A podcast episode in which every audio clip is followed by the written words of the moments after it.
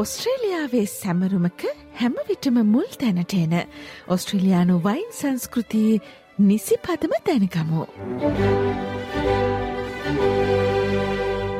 ඔස්ට්‍රේලියාවේ වයින් පිළිබඳව නැත්තං ඔස්ට්‍රේලියාවේ වයින් සංස්කෘතිය පිළිබඳව අපි සාකච්ඡා මාලාවක් ආරම්භ කලා පළවෙනි සාකච්ඡාවද අපි කතාබහ කරේ ඔබේ කැමැත්තට අනුව ඔබේ අමුත්තාට දෙන්නට සුදුසු වයින්න එකක් අනර්ග ස්තලම් වයින්න එකක් තෝරගන්න කොහොමද? ඒ සඳහා සුදුසු වයින් වීදුරු තෝරාගන්න කොහොමද? සහ විශේෂයෙන්ම තෑග්ගක් විදිහට වයින් එකක් ලබාදීමේදී පිරිනමීමේදී සැලකිලිමත්වෙන්ට ඕන කාරණාමනුවද කියන දේවල් තමයි අපි සාකච්ඡා කරේ පළවෙනි සාකච්ඡාවේදී. අපි අද දවසේදී දෙවැනි සාකච්ඡාව ඔබට අරංගන්නයි සූදානම් වන්නේ. අපි පොරොන්දුන ආකාරයටම අද දවසේද අපි කතාබහ කරන්නේ මේ වයිට වයින් සහ රෙඩ් වයින් පිළිබඳව. නැත්තන් සුදුවයින් සහ රතුවයින් පිළිබඳව.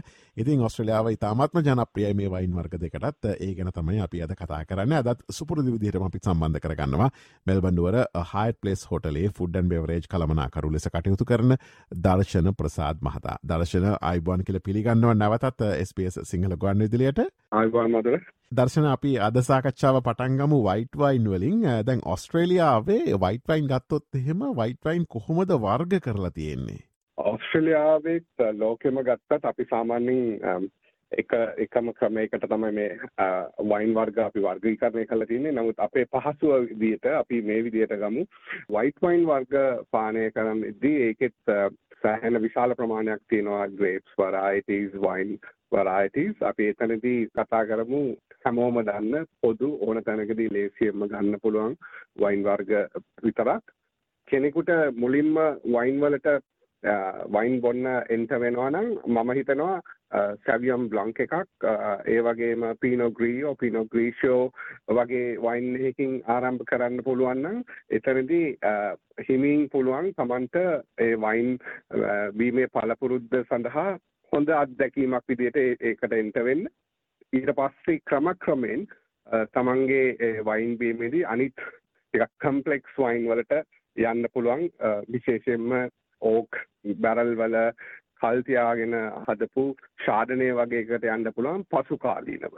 හොදයි දර්ශන. දැන් ඔය කතාවම අපි රෙඩ්වයින් වලට ආදේශකරොත් එහෙම ඔස්ට්‍රලියාවේ රෙඩ්වයින් වර්ග කල තියන්නේ කොහොමද? සාමාන්‍යයෙන් අපි දැන් උදාහරණයක් ඉදිරි ලික ශොප්පයක් ඇතුළට යනකොට අපිට දකින්න තියෙන විධාකාරය වයින් වර්ග රෙඩ්වයින් වර්ග.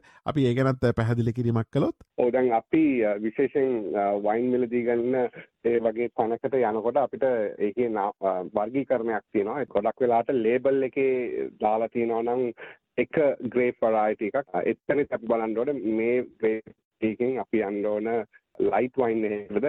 එහෙම නැත්නම් ඊට පස්සේ තව ටිකක් වෙන ග්‍රේප් වරයිටිස් තියෙනවා ටිකක් සංකීර්ණ.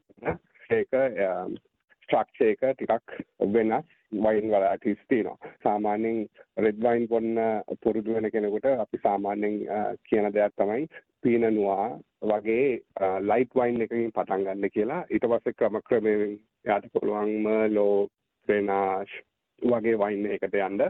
ඊට පස්සේ පුළුවන් කැමති නම් ඊට වඩා සංකීර්ණ ටිකක් ස්ට්‍රක්චර් එක තියෙන වයින් එකක් විදිහට ගන්න පුළුවන්. ඕස්ට්‍රේලියාවේ ගොඩක් ප්‍රසිද්ධයි ශිරාස් හා කැබිනේ සැවියොන් කියන වයින් වර්ග දෙක.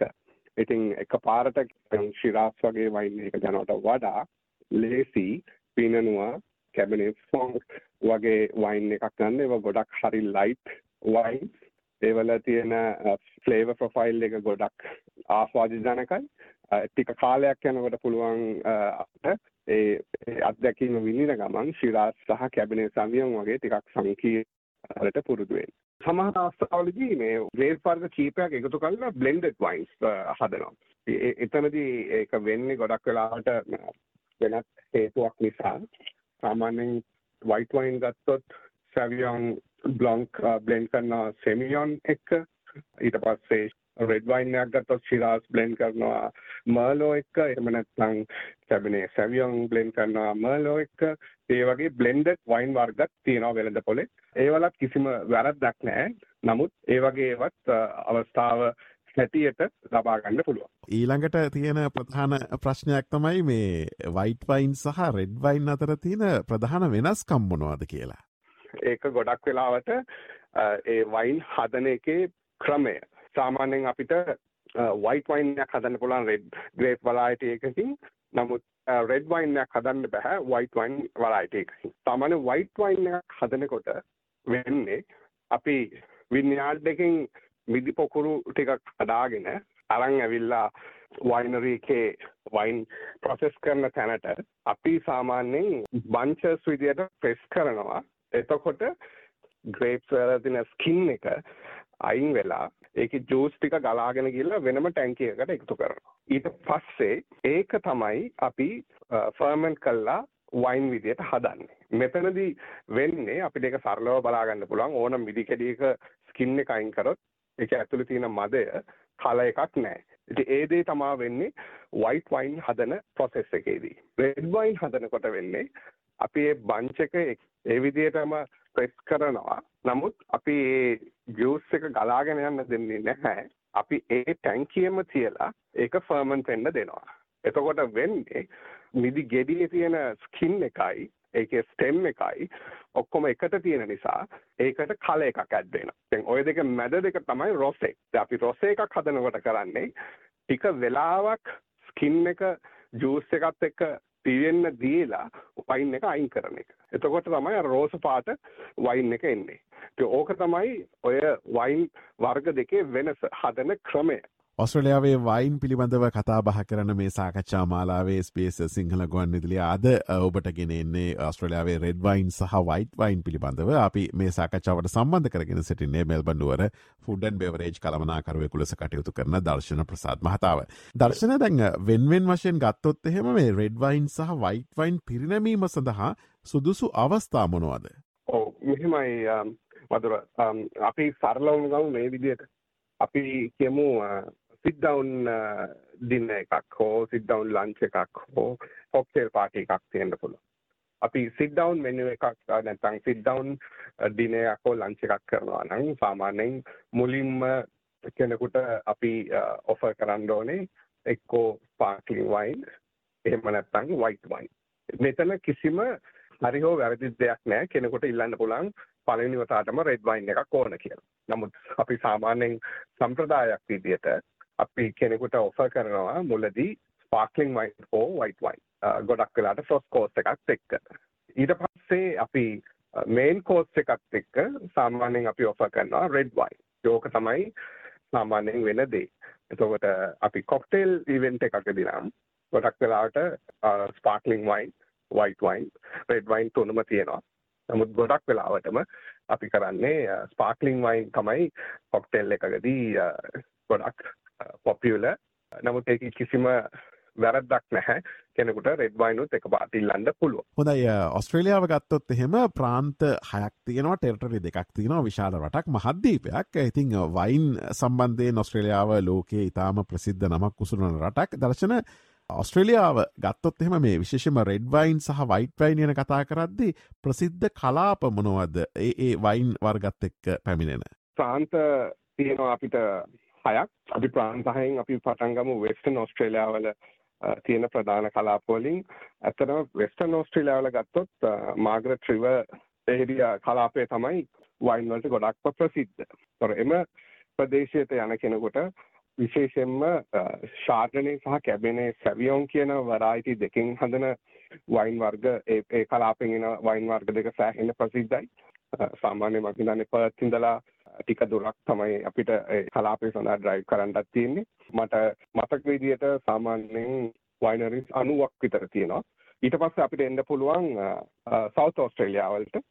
සවුත් ඕස්ට්‍රේලියා තමයි ඕස්ට්‍රේලියාව ගත්තොත් 140ක් විතර වයින් ප්‍රොඩක්ෂන් එකක් ලබා දෙන කලාපය. අපි ගත්තොත් ලෝකෙම ප්‍රසිද්ධ කලාප කීපයක්ම අයත් වෙනවා සවුත් ඕස්ට්‍රේලියාවල තියෙන ඒ කලාපෙට. විශේෂයෙන් බරෝසා වැලි ඒ කලාපය. ඒ කලාපේ තමයි ගොඩක්ම ලෝකෙ ප්‍රසිද්ධ කැබනේ සැවියෝන් ශිරාස් ග්‍රෙනාච් වගේ වයින් වර්ගවලට. එතනින් අපිට එන්න පුළුවන් මේ මේ ඒටස් ගොඩක්ම එක ළඟ තියෙන්නේ ක්ලයා වැලි. ක්ලයා වැලි ගොඩක් වෙලාවට රීස්ලිං වලට ප්‍රසිද්ධයි. වයිට් වයින් වර්ගයක් රීස්ලිං. ක්ලයා වැලි වල තමයි ප්‍රසිද්ධ රීස්ලිං වලට. ඊළඟට අපිට යන්න පුළුවන් මැක්‍රන් වේල් කියන ප්‍රදේශයට ඒත් සවුත් ඔස්ට්‍රේලියාවලම ප්‍රදේශයක්. ඒත් ශිරාස් කැබිනට් සවියන් සහ ග්‍රෙනාෂ් කියන වයින් වලට ප්‍රසිද්ධයි. ඊට පස්සේ මම එනවා වික්ටෝරියාවලට. වික්ටෝරියාවල අපි ගත්තොත් මම ප්‍රධාන කලාප දෙකක් කියනවා. යාර වැලි සහ මෝනිින්ටන් පෙනින්සිලා. මොනිටන් පෙනින්සිලා කියන්නේ සාමාන්‍ය ශාඩනය පීනනවා පිනොග්‍රී කියන වයින් වර්ගවලට ගොඩාක් ප්‍රසිද්ධයක් කුසලනවා වීකෙන්ඩ එක ගනම් යන්ද හිතන්නවත් එපා. සෑහෙන්න තදබටයක් තියෙනවා. ඒක මහරි ලස්සන ප්‍රදේශයක්. අනිත් එක තමයි යාරවැලි ප්‍රදේශය. ඕස්ට්‍රේලියාව තියෙන අපි කියන කූල් ක්ලයිමට් වයින් වලට විශේෂත්වයක් දක්වන යාරවැලි ප්‍රදේශය.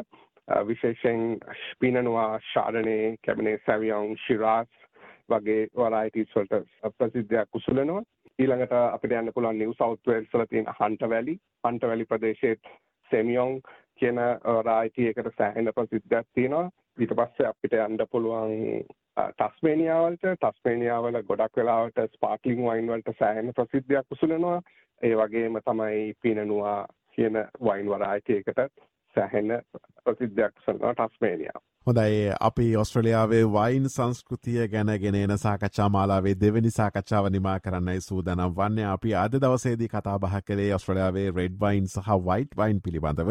අපි තුන්ගනි සාකච්ඡාවේදී කතා කරන්නට බලාපොරොත්තු වන්නේ ඔස්ට්‍රලියාවේ තියෙන ස්විට වයින් සහ විශෂම ස්පාක්ලිං වයින් පිළිබඳව. අපි මේ සාකච්ඡාවට අදත් සම්බන්ධ කරගත්තේ මෙල්බන්ඩුවර ෆුඩන් බෙවරේජ් කළමනාකරුවෙක් ලෙස කටයුතු කරන දර්ශන ප්‍රසාද් මහතාව. දර්ශන බොහොමත්ම ස්තුතිවන්තෙනවා මේ අදහස් අපිත් සමඟ බෙද බෙදා හදා ගැනීම සම්බන්ධයෙන් සුබ දවසක් ප්‍රාර්ථනා කරනවා. සුබ දවසක් මදුර.